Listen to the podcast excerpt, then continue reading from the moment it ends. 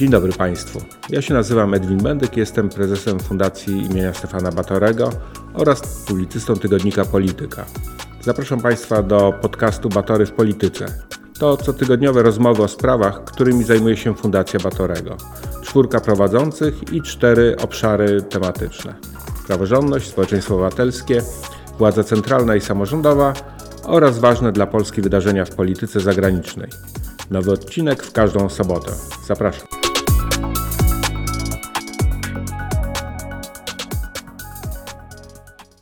Witam Państwa. Nazywam się Paweł Marczewski. e, Pracuję w Forum Idei Fundacji Batorego i będę miał dziś przyjemność porozmawiać z profesorem Leszkiem Koczanowiczem, którego książka Niedokończone polityki, demokracja, populizm, autokracja jest wśród książek nominowanych do tegorocznej nagrody imienia Marcina Króla. Witam bardzo serdecznie Panie Profesorze. Witam, witam też e, wszystkich e, pozdrawiam. E, Panie profesorze, chciałbym zacząć troszkę nietypowo, bo od końca, a mianowicie od eseju, który wieńczy Pana książkę i podsumowuje jej najważniejsze wątki. Esej nosi tytuł Polska droga do populizmu. E, I chciałbym zapytać, zapytać trochę prowokacyjnie, bo pokazuje Pan różne uwarunkowania e, polityczne i historyczne i spo, oraz społeczne tego, dlaczego doszło do takiej populistycznej rewolty w polskiej polityce. Natomiast chciałem zapytać, zapytać trochę prowokacyjnie, czy Pana zdaniem, też z perspektywy czasu, to są te teksty, które składają się na książkę, były pisane na, no, w, w ciągu kilku lat, mają też taką też taki walor pewnej takiej intelektualnej kroniki tych przemian politycznych ostatnich, ostatnich lat w Polsce. Czy z tej perspektywy nieco już historycznej, Pana zdaniem Polska była na tę rewoltę populistyczną skazana w kontekście tego wszystkiego, o czym Pan pisze, o korzeniach tego populizmu? No tak, e, to znaczy mm, w ogóle to jest nawet dłużej, nie? Chyba pierwsze teksty to nawet może spod, sprzed 15 lat, może nawet tak, 20, tak, tak. bo to e, one dotyczą tego tak zwanego pierwszego PiSu, czyli czasów już e, zamierzchłych. Natomiast odpowiadając na Pana pytanie, znaczy, ja nie jestem deterministą historycznym. Nie jestem. Znaczy, nie uważam, że mm, cokolwiek jest e, ściśle zdeterminowane.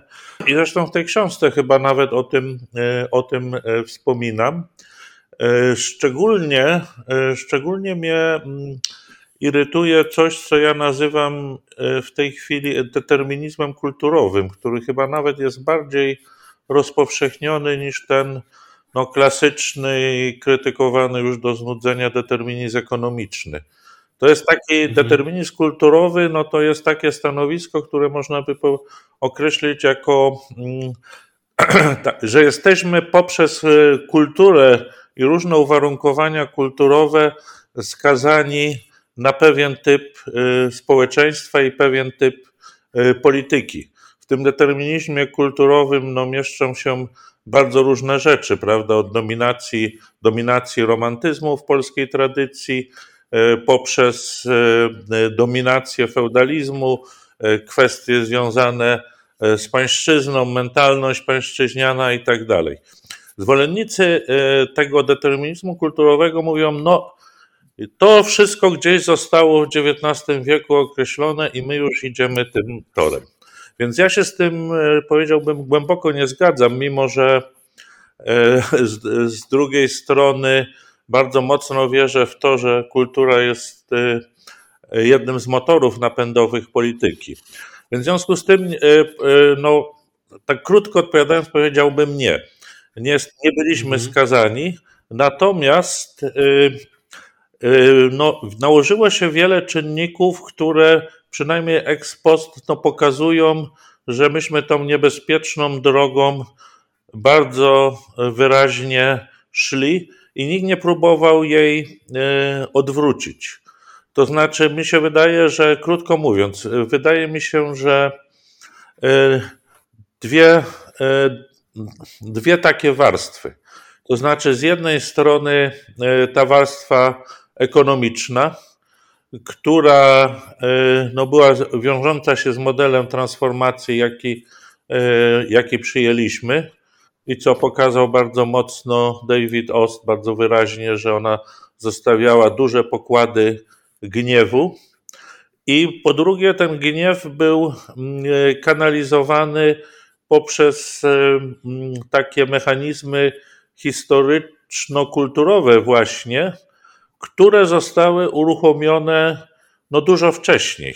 To znaczy, ja tam pokazuję, że w gruncie rzeczy mm, sposób myślenia taki przyjęty w Solidarności, że my wszyscy jesteśmy razem przeciwko opresorom, można było w y, okresie posttransformacyjnym bardzo łatwo wykorzystać. Tylko no, zmieniali się ci opresorzy. Na przykład to już nie jest y, ten okropny komunistyczny rząd, tylko to są y, y, powiedzmy zachodnie, zachodnie korporacje, czy kapitaliści, czy, czy liberałowie, którzy narzucają międzynarodowi, którzy narzucają takie czy inne wybory nam.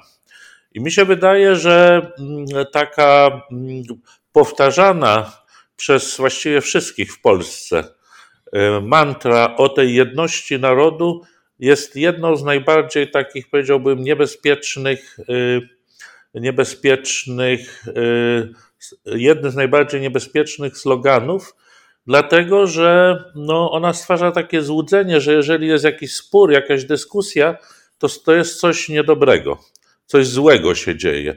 Powinniśmy być zjednoczeni. No, jakby jądrem demokracji jest właśnie spór, jest dyskusja, jest y, niezgoda, są różne perspektywy.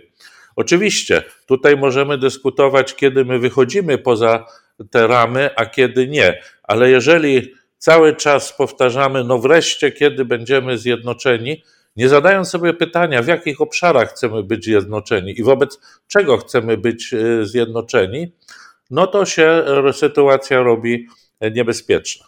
Także odpowiadając e, na to pytanie już e, tak zupełnie oczywisty sposób, to powiedziałbym tak, że nie byliśmy zdeterminowani, można sobie wyobrazić inne modele rozwoju, gdyby na przykład takie czy inne błędy i w polityce ekonomicznej, i kulturowej, i całej retoryce życia politycznego nie zostały popełnione, ale z drugiej strony można powiedzieć, że zrobiliśmy wszystko, co się tylko dało, żeby dojść do takiej sytuacji, w której mm, strategie populistyczne zaczną dominować w, cał w całości życia politycznego. W tej chwili nawet jeżeli yy, yy, partie są mniej lub bardziej mm, populistyczne, to wszystkie właściwie siły, liczące się siły y, w spektrum politycznym w Polsce stosują y, strategie populistyczne jako najbardziej efektywne. No właśnie, bo powiedział Pan, y, że polska kultura polityczna nie lubi paradoksalnie sporu, co wydaje się trochę kontrintuicyjne w, w tym sensie, że no, żyjemy w czasach e, bardzo głębokiej polaryzacji, prawda, podkreślanej przez wszystkich, widocznej w sondażach, widocznej też w takim konsolidowaniu się elektoratów, e, zwłaszcza najważniejszych, e, największych partii opozycyjnej i, i rządzącej, ale pan sięga głębiej, chociażby w eseju Ideały i polityka, czyli dlaczego powinniśmy powracać do ideałów z 1989 roku, pokazuje pan, że no mamy do czynienia w gruncie rzeczy z takim hegemonicznym modelem dyskursu, w tym sensie, że albo jest jedność, albo jest kompletny rozpad, wojna domowa, e, e, wspólnota polityczna chwieje się, chwieje się w posadach. I tropi pan genealogię tej hegemonii, mam wrażenie. To jest dla mnie szalenie ciekawy wątek tej książki, e, bo pokazuje pan właściwie, że on ma, ta hegemonia ma z jednej strony korzenie w takim etycznym dyskursie solidarności, prawda? że my tutaj, ponieważ polityka jest autorytarna, tłamsząca, e, nie daje właściwie żadnych przestrzeni wolności, to my sobie tworzymy alternatywne, etycznie żyjące społeczeństwo. Prawda? E, taki ideał mhm. antypolityczny. Ale pokazuje pan, i to jest właśnie dla mnie najciekawsze, e, w jaki sposób ten ideał antypolityczny przeżywa jakby swój termin ważności. I po 1989 roku z jednej strony mamy właśnie taki liberalny dyskurs, który w ogóle nie lubi konfliktu, prawda? I w ogóle by chciał te konflikty, czy klasowe, czy głębokie konflikty, też takie tożsamościowe, no, wyrugować jakby z życia politycznego. A z drugiej strony mamy też ten dyskurs taki konserwatywno-narodowy, prawda, który widzi, że jakakolwiek próba podważenia jednej wizji e, narodu, e, opartego też o, o, o jedną wiarę katolicką, no też rodzi od razu taki, taki lęk i, i przed rozpadem wspólnoty. To jest dla mnie szalenie ciekawy wątek i w tym kontekście właśnie pytałem o, e, o, o tą nieuchronność populizmu. Czy, mogliśmy, czy był taki moment, w którym mogliśmy wybrać inaczej? To znaczy, jak wyglądałaby Pana zdaniem taka prawdziwa demokracja czy kontrdemokracja, żeby posłużyć się tym terminem Rosanwalona, który pan też przywołuje. E, taka demokracja, w której byłoby miejsce na spór, na konflikt, na pluralizm tożsamości, interesów grupowych. E, w którym momencie i jak moglibyśmy wybrać inaczej? Znaczy, wie pan, no to jest to, co się ładnie nazywa historią alternatywną. Tak. E, ale rzeczywiście, no, i, i, no to jest zawsze ryzykowne takie snucie, co by było, e, gdyby, e, gdyby było. Znaczy, wydaje mi się, że e, tak, no, pierwszy okres był takim okresem takiego, pierwszy okres transformacji, prawda, czyli początek lat 90. Od razu jakby zostały uruchomione te motory powszechnej zgody. Ja w tej chwili nie wnikam, bo podobno są e, poważne powody i można by znaleźć takie poważne powody, że dokonując tak trudnego zadania, jakim była transformacja, transformacja mm, ustrojowa, jednocześnie, która musiała być bolesna dla wielu ludzi, no, że nie można sobie było pozwolić E, na spory, prawda? To nawet była taka idea, tam się e, plątała, nie wiem, czy pan e, śledząc to, tą historię zwrócił uwagę, żeby właściwie przez długi czas została jedna partia jako Solidarność z różnymi odłamami, ale wspólnie działająca. No nie, to, na, moim zdaniem na szczęście nie wyszło, bo być może, że byłaby jeszcze gorsza sytuacja wtedy. I teraz no właśnie, nieuchronność i uchronność. Czy gdybyśmy dopuścili, gdyby wtedy te spory się rozwijały i nie tylko według takiej płaszczyzny, no, y, które, która była wtedy, to znaczy płaszczyzna taka bardzo wyraźnie zarysowana wróg, przyjaciel, prawda? Jeżeli pan śledził te, te historie, no to te pierwsze wybory po trzech mhm. stronach, nie? Tak. No bo był Wałęsa Mazowiecki, Tymiński, wszędzie były takie właśnie dramatyczne, mm, no jakby to powiedzieć, y, dramatyczne wybory. Znaczy, każda z tych stron sugerowała, że wybór jest dramatyczny i y, ostateczny. Prawda? Jak się okazało, nic tak naprawdę nie było ostateczne. No, ale w każdym razie od początku polska polityka przyjęła taki bardzo no, dramatyczny ton. I teraz oczywiście możemy się zastanawiać, czy, czy gdyby ta polityka była bardziej pragmatyczna, bardziej nastawiona na konkretne cele, a mniej na takie, y, powiedziałbym, no, y, dramatycznie formułowane wartości, czy wtedy na początku można byłoby to inaczej ustawić.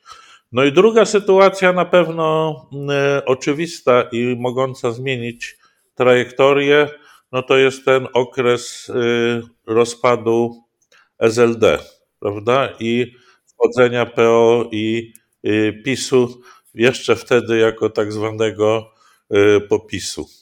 No, ale też wtedy, no, to jest naturalne w polityce, to znaczy ja nie mam pretensji do przywódców, bo w polityce to zresztą nie jest moja obserwacja, tylko Pierre Bourdieu, zawsze się dąży do takiej wyraźnej polaryzacji, prawda?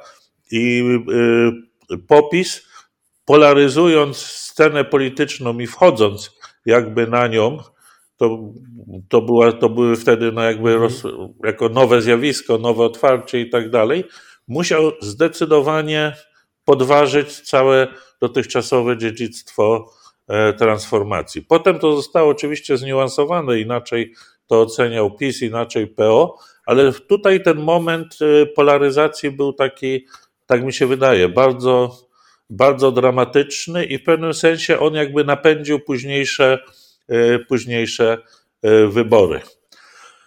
No i kolejny moment, ale tu już trochę się nie czuję kompetentny, bo tu są te kwestie takie ekonomiczne wchodzące w grę. Czy można było inaczej prowadzić e, politykę ekonomiczną w okresie kryzysu finansowego?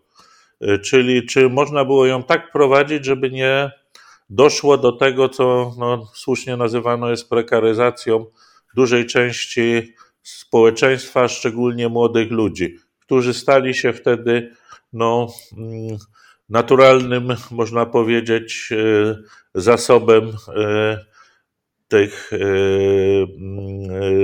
no, tych zmian, które wprowadzał, wprowadzał PiS i chyba naturalnym zasobem też takiej, powiedziałbym, akceptacji dla mm, ideologii nacjonalistycznej, prawda? Ja to pisałem chyba w tej książce, ale że to się zrobiła taka sytuacja, jak kiedyś tak wyśmiewano liberałów i mówiono każdy za siebie, jeden Bóg za wszystkich, że doprowadzając do tej prekaryzacji, właściwie takim jedynym y, wspólnym mianownikiem stawał się naród, ale naród rozumiany bardzo abstrakcyjnie, jako taka, nie, nie jako taka sieć powiązań, tylko jakoś taka wspólnota na najwyższym y, poziomie wartości. No więc y, przynajmniej trzy takie momenty, jak mnie pan zapytał, bo to mnie trochę zaskoczyło, to znaczy nie byłem przygotowany na takie pytanie, ale być może, że to jest y, dobry temat y, do eseju. Wtedy oczywiście podziękuję panu w przypisie za odsunięcie mi tego, tego pomysłu. Być może, żeby się znalazły jeszcze inne, inne momenty, na przykład zwycięstwo SLD i te takie próby moralnego podważania tego zwycięstwa, prawda, że SLD może sobie na mniej pozwolić. To chyba Turowicz, e, redaktor Jerzy Turowicz e, napisał. Niezależnie od motywacji, no, to jest bardzo taka niebezpieczna formuła, e, była niebezpieczna formuła polityczna, bo ona wprowadzała zupełnie nowe wątki do dyskursu politycznego. Chciałbym jeszcze dopytać o tę genealogię populizmu, bo z jednej strony mówiło się często bardzo, tu próbując wytłumaczyć jakby skąd popularność populistycznych polityków tego w, tym, w tych najnowszych dziejach politycznych Polski, mniej więcej od 2015 roku, no to sięgano właśnie po ten dyskurs taki posttransformacyjny, mówiono, że to jest taki bunt przegranych transformacji.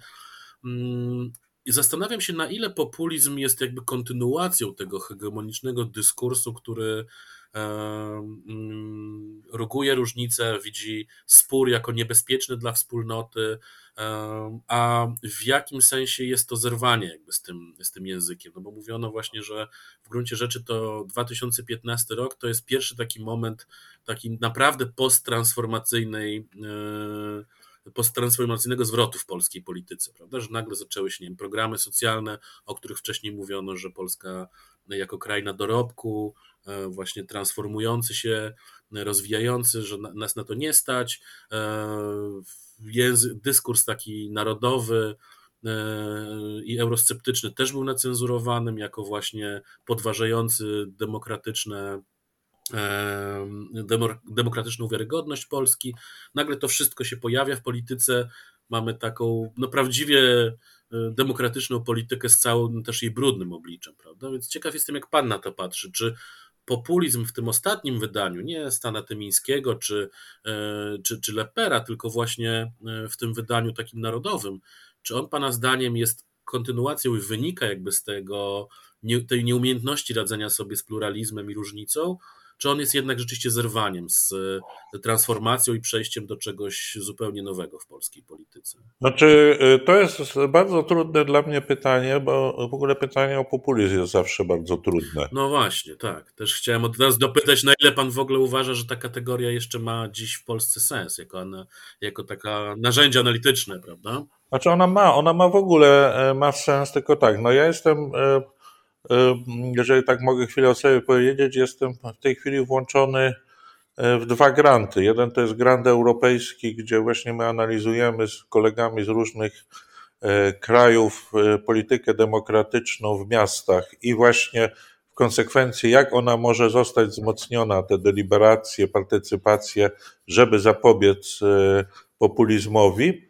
No i drugi grant, którego jestem nawet e, szefem, to jest estetyka populizmu, to znaczy patrzenie mhm. na populizm z punktu widzenia pewnych takich estetyki, estetyki dnia codziennego, estetyki demonstracji i tak dalej. E, no, mówię o, o, tym nie po to, żeby się chwalić, tylko żeby pokazać, że ja właściwie na bieżąco śledzę te dyskusje dotyczące populizmu i widzę, jak bardzo one są e, skomplikowane i rzeczywiście wielu ekspertów zaczyna się coraz bardziej irytować i mówić, żeby tą kategorię w ogóle odrzucić. Mhm. Ja bym nie był e, za tym. Ja bym nie był za tym, bo mi się wydaje, że ta kategoria ma pewien sens, jeżeli ją e, potraktujemy raczej jako taką kategorię, no po pierwsze, bardziej e, deskryptywną, opisującą, a nie normatywną, no bo w sensie normatywnym, no to jest obelga w tej chwili to jest obelga. Nazwanie kogoś populistą to jest obelga i tak nawzajem się wszyscy tą straszną obelgą obrzucają. Jakby niespecjalnie nawet y, wnikając w to, co, co ono znaczy. Znaczy, generalnie to, no powiedzmy, ta obelga jest skierowana przeciwko tak zwanemu rozdawnictwu pieniędzy, ale często się rozumie pod tym wszelkie możliwe programy socjalne, no, które w klasycznej demokracji liberalnej, no to jak wiemy, od, nie wiem, od ilu lat, no, od Bismarcka może, czy, czy może nawet wcześniej istnieją, a na pewno zostały wzmocnione po II wojnie światowej w koncepcji welfare state. Więc, więc jeżeli odrzucimy tą taką powiedzmy normatywną mhm. jakby powiedzieć, obelżywościową e, treść e, epitetu populizm, no to jako epitet deskryptywny to dla mnie jest, znaczy ja bym powiedział, że to jest coś takiego, że populizm wyrasta zawsze z takiego bezpośredniego, codziennego doświadczenia. I teraz y, drugim warunkiem, dlaczego populizm jest taki popularny, a w końcu jest popularny i problemy z populizmem ma, mamy nie tylko my, prawda? Mają ustalone demokracje. No, wystarczy popatrzeć na Francję, na Włochy i w pewnym sensie też e, na Niemcy, nie mówiąc już o innych krajach e, e, Europy, nawet powiedzmy zawsze uznawana za trzeźwą e, w politycznym sensie Skandynawia e, no, jest mocno już w tej chwili nadgryziona przez, e, nie wiem czy to jest dobrze powiedziane, ząb populizmu, ale ja bym powiedział tak, że to, to są dwa takie mechanizmy. Po pierwsze, że to jest taka polityka prowadzona właśnie z punktu widzenia życia codziennego, niedogodności życia codziennego, która, to było zawsze ważne w polityce. Tylko, że wcześniej ono to było jakby mm, zacierane, zaciemniane poprzez bardzo silną y, osłonę, jaką stwarzały partie i różne organizacje polityczne typu związki zawodowe, które można powiedzieć stworzyły taką czy inną osłonę ideologiczną.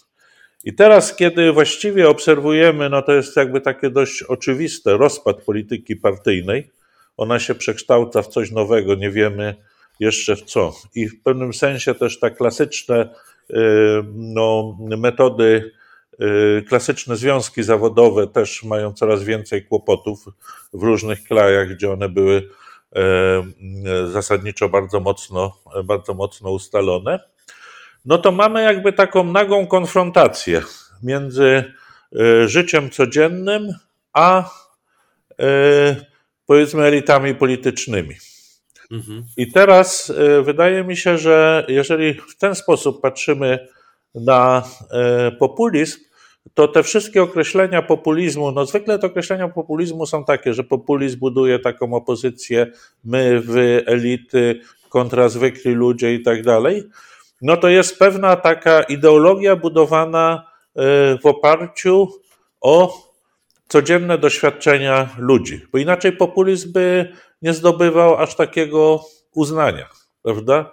To znaczy, mhm. dlatego E, w obu tych programach badawczych, w których uczestniczę, no, patrzę na, staram się patrzeć i przekonywać też e, kolegów na populizm jako coś, co jest no, uzasadnione. To znaczy patrzeć raczej na to, e, co uzasadnia populizm, niż na, niż na populizm jako takiego, powiedziałbym, wroga, którego trzeba zniszczyć w takim e, szmitowskim sensie.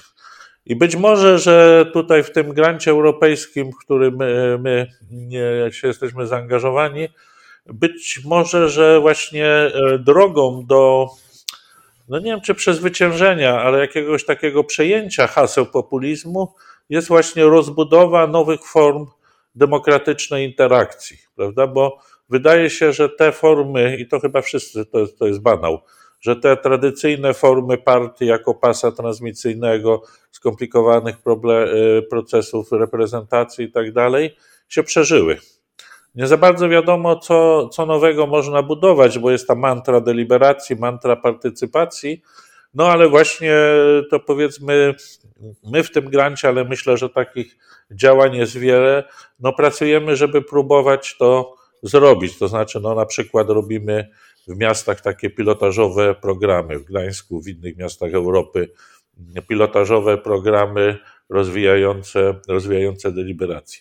Ale tak czy inaczej, y, no, y, powiedziałbym, że tak, tak, tak w pewnym sensie tak zgadzam się tutaj z Panem, że mm, no, y, ten rok 2015 był takim rokiem przełomowym, dlatego że ten rok 2015 pokazał takie, powiedziałbym, możliwości przejęcia władzy przez populizmu czy przez partię zbliżoną do populizmu, bo, ja nie, bo to, to, to zawsze jest takie wątpliwe, czy mówić o e, PiSie jako partii populistycznej, czy semipopulistycznej, czy, czy jakby, to, jakby to nie nazwać, bo tam się różne elementy w dziwny sposób e, mieszają ale pokazał y, potencjał i pokazał też groźbę tego, czym może być populizm u władzy.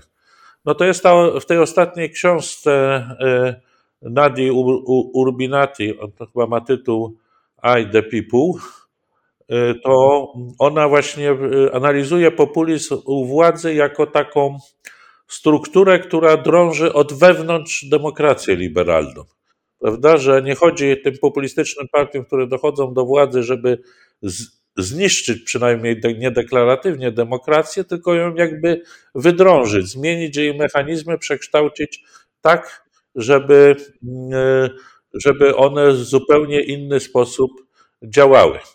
I w pewnym sensie y, to jest dla mnie najgroźniejsze. To znaczy, najgroźniejsze jest dla mnie to, że e, populizm, i tutaj ja bym powiedział, że niezależnie od tego, jaką on barwę ma, bo mogą być oczywiście różne populizmy, to e, zawsze, zdąży, zawsze dąży do tego, żeby, no właśnie to jest to, co ja, e, co, od czego zaczęliśmy, żeby zlikwidować ten dyskurs, którego potrzebuje demokracja liberalna. Bo tak czy inaczej, Y, populizm zawsze bazując na realnych problemach, dąży do tego, żeby te problemy realne były rozwiązywane na gruncie takiego, powiedziałbym, no, nie chcę powiedzieć woli powszechnej, bo to jest bardzo obciążone, ale tak jakiejś uproszczonej wersji woli, woli powszechnej, która zwykle jest wolą lidera.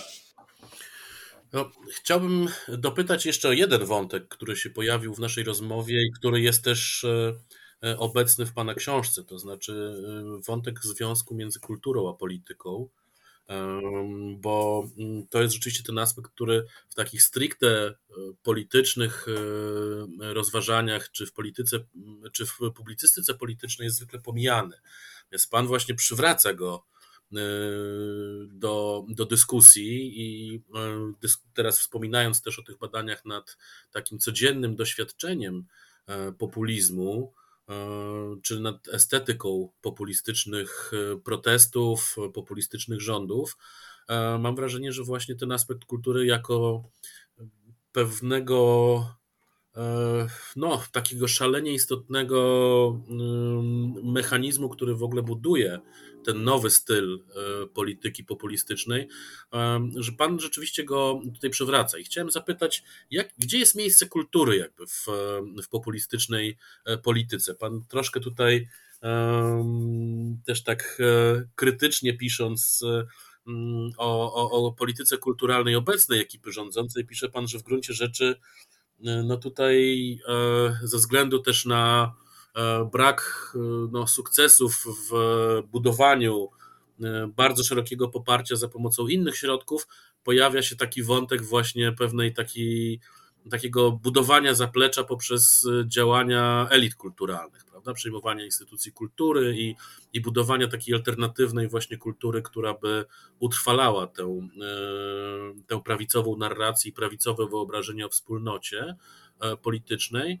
E, więc ciekaw jestem, e, na ile te mechanizmy kulturowe, takie odgórne, są skuteczne, Pana zdaniem?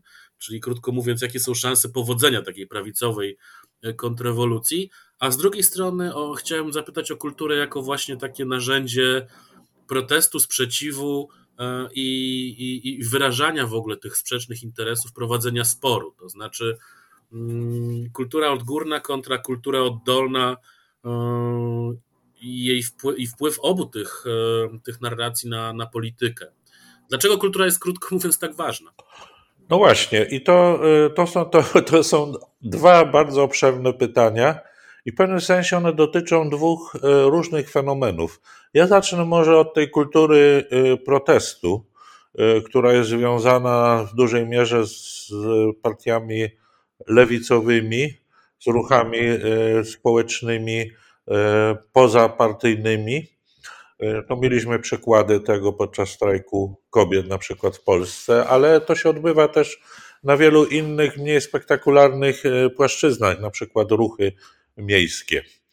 I otóż ja bym powiedział, że, że znaczenie tych ruchów kulturowych i znaczenie w ogóle no, kultury jako wehikułu polityki polega właśnie na tym, że ona, że coraz bardziej te, tego typu formy wchodzą w mm, miejsce tych coraz bardziej wycofujących się klasycznych metod y, dialogu y, politycznego, czyli dialog parlamentarny, dialog taki powiedziałbym instytucjonalny i tak dalej.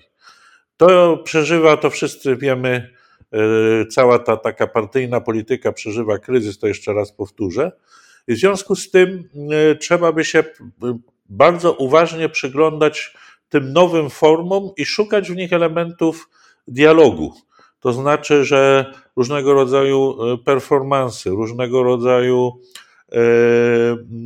no to, co się nazywa culture jamming, prawda, czyli takie kulturowe sposoby blokowania różnego rodzaju zjawisk, czy na przykład różnego rodzaju happeningi, które te, które ruchy stosują bardzo często, właśnie ruchy nieformalne stosują bardzo często.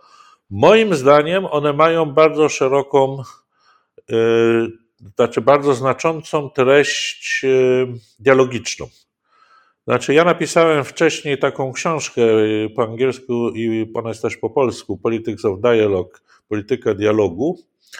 I y, tam właśnie y, no, próbuję pokazać, że dialog Demokratyczny dialog, tak krótko mówiąc, to jest ta formuła, którą tam stosuję, jest nie po to, żeby się porozumieć, ale po to, żeby się lepiej rozumieć. I teraz, jeżeli tak zdefiniujemy dialog, nie jako wehikuł e, porozumienia, ale jako wehikuł rozumienia, no to wtedy te, wszystkiego, te, te wszystkie ruchy, e, które nie mieszczą się w takim klasycznym pojęciu e, dialogu demokratycznego, nabierają nowego sensu i nowego znaczenia. One wszystkie przekazują pewne treści i one w związku z tym mają charakter dialogiczny. Jeżeli się na przykład przypatrzymy tym, no to jest taka klasyka w tej chwili, ten ruch Occupy, jakie tam były skomplikowane sposoby takie kulturowo-poznawcze formułowania test, dyskusji i tak dalej, prawda? Dalekie od tego, do czego się przyzwyczailiśmy. Ale także y, y, dlatego dla mnie ta, dlatego dla mnie kultura i przejawy, y, estetyczne przejawy walki politycznej nabierają coraz większego znaczenia i mi się wydaje, że w takiej dającej się przewidzieć przyszłości będą też, będzie to rosnąć, prawda? Będzie to rosnąć także poprzez internet i różnego rodzaju platformy społecznościowe, przy wszystkich niebezpieczeństwach, które tam czyhają i których jesteśmy pewni. Natomiast ta polityka kulturalna prawicy, no właśnie, to pytanie jest teraz e, takie zasadnicze, czy państwo powinno mieć w ogóle jakąś politykę kulturalną. Na ogół rządy liberalne nie mają takiej, to znaczy no, po prostu e, uważają, no, są różnego rodzaju mechanizmy zwykle uruchamia, e, uruch, uruchamiane po to, żeby no, jednym się daje dotacje, drugie nie, ale tworzy się przynajmniej takie ciała, czy przynajmniej iluzje ciał niezależnych od, od polityki, no to wynika z samej istoty liberalizmu, prawda, który zakłada autonomię, w tym autonomię twórczości. Natomiast y, jeżeli można w ogóle y, mówić o jakiejś takiej wiodącej ideologii PiSu, no to, to jest chyba taka koncepcja, ideologia czy, czy czy strategia dalekosiężna odbudowy wspólnoty narodowej. Jeżeli można się domyśleć z różnego rodzaju wypowiedzi, że wspólnota narodowa została bardzo poważnie uszkodzona w czasach komunizmu, czy w czasach powiedzmy dominacji liberalizmu w, w czasie transformacji. No i teraz ją trzeba odbudować. Dla mnie jako historyka idei to jest też pewien taki oczywisty paradoks, nie? bo zwykle e, wspólnotę się rozumiało jakoś coś, co istnieje i przeciwstawia się państwu, prawda? W takim klasycznym tam herder, czy no powiedzmy herdera koncepcji. Wspólnota jest e, ciepła, przyjazna i tak dalej, państwo jest tym zimnym, zimnym potworem. No i tutaj następuje taka ciekawa przewrotka, że ten zimny potwór ma zbudować, odtworzyć tą wspólnotę, która została zniszczona, używając no, wszelkich możliwych, możliwych metod, jakie daje sprawowanie władzy państwowej. I oczywiście no to powoduje cały szereg jakby takich bardzo nieprzyjemnych sytuacji. Ja się przyjaźnię z wieloma artystami, znam wiele ludzi z, te, z tego środowiska, jak którzy bardzo mocno przeżywają to i, i, i, i, no i widzę, jakie straty może ta polityka y, powodować w, w takim, powiedziałbym, zasobie artystycznym naszego kraju. Ale moim zdaniem e, ta polityka to jest droga donikąd. To znaczy, po pierwsze, w, no, nowoczesnych społeczeństwach zachodu, północy, czy, e, czy jakby to nie nazwać, no trudno jest naprawdę, e, czy niemożliwe jest taką wspólnotę odtworzyć. Wspólnotę, która miałaby taki klasyczny wymiar narodowy, czy nawet nie klasyczny, ale też jakoś tam powiązany z narodem. No, że czy, czy można odtworzyć taką narodowo-republikańską wspólnotę? Otóż ja mam tutaj poważne wątpliwości. Można, być może da się zbudować jakąś wspólnotę republikańską, ale wątpliwe jest, czy da się ją zbudować w oparciu o hasła e, narodowo, e, czy wartości narodowo-religijne. Dlatego wydaje mi się, że no, e, kiedy to wszystko opadnie, to się okaże, że, że efekty były minimalne lub prawie minimalne. Oczywiście oprócz tego, no, że będzie ten hałas, że e, taki medialny, że i słuszny, no bo trzeba e, się przeciwstawiać takim próbom brutalnego e, sterowania, sterowania kulturą, mniej lub bardziej brutalnego. No nie chcę też demonizować, czy, czy edukacją, prawda, jak czasami się pojawia, szczególnie ostatnio w wypowiedziach ministra ale yy, no, tak jak powiedziałem, to znaczy na dłuższą metę nie widzę yy, yy, wielkich szans, bo ta rewolucja kontrkulturowa, no, znaczy kontrkulturowa w sensie przezwyciężenia i powrotu do wartości takich powiedzmy klasycznych, narodowych nie ma szans.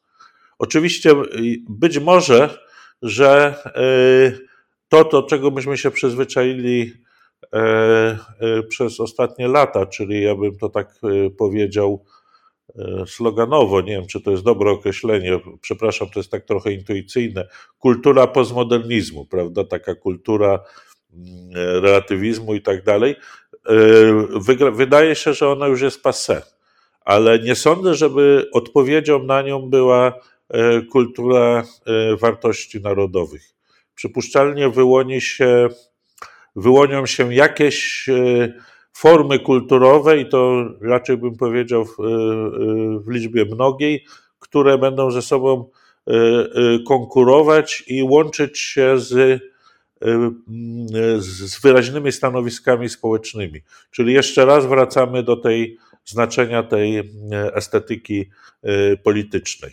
Natomiast takie odgórne sterowanie kulturą w kierunku jej y, no, przemiany w kulturę, y, w kulturę narodową, co by to nie znaczyło, to no, nie widzę tutaj możliwości. Moim rozmówcą był pan profesor Leszek Koczanowicz, autor książki Niedokończone polityki, demokracja, populizm, autokracja, nominowanej do tegorocznej edycji Nagrody imienia Marcina Króla.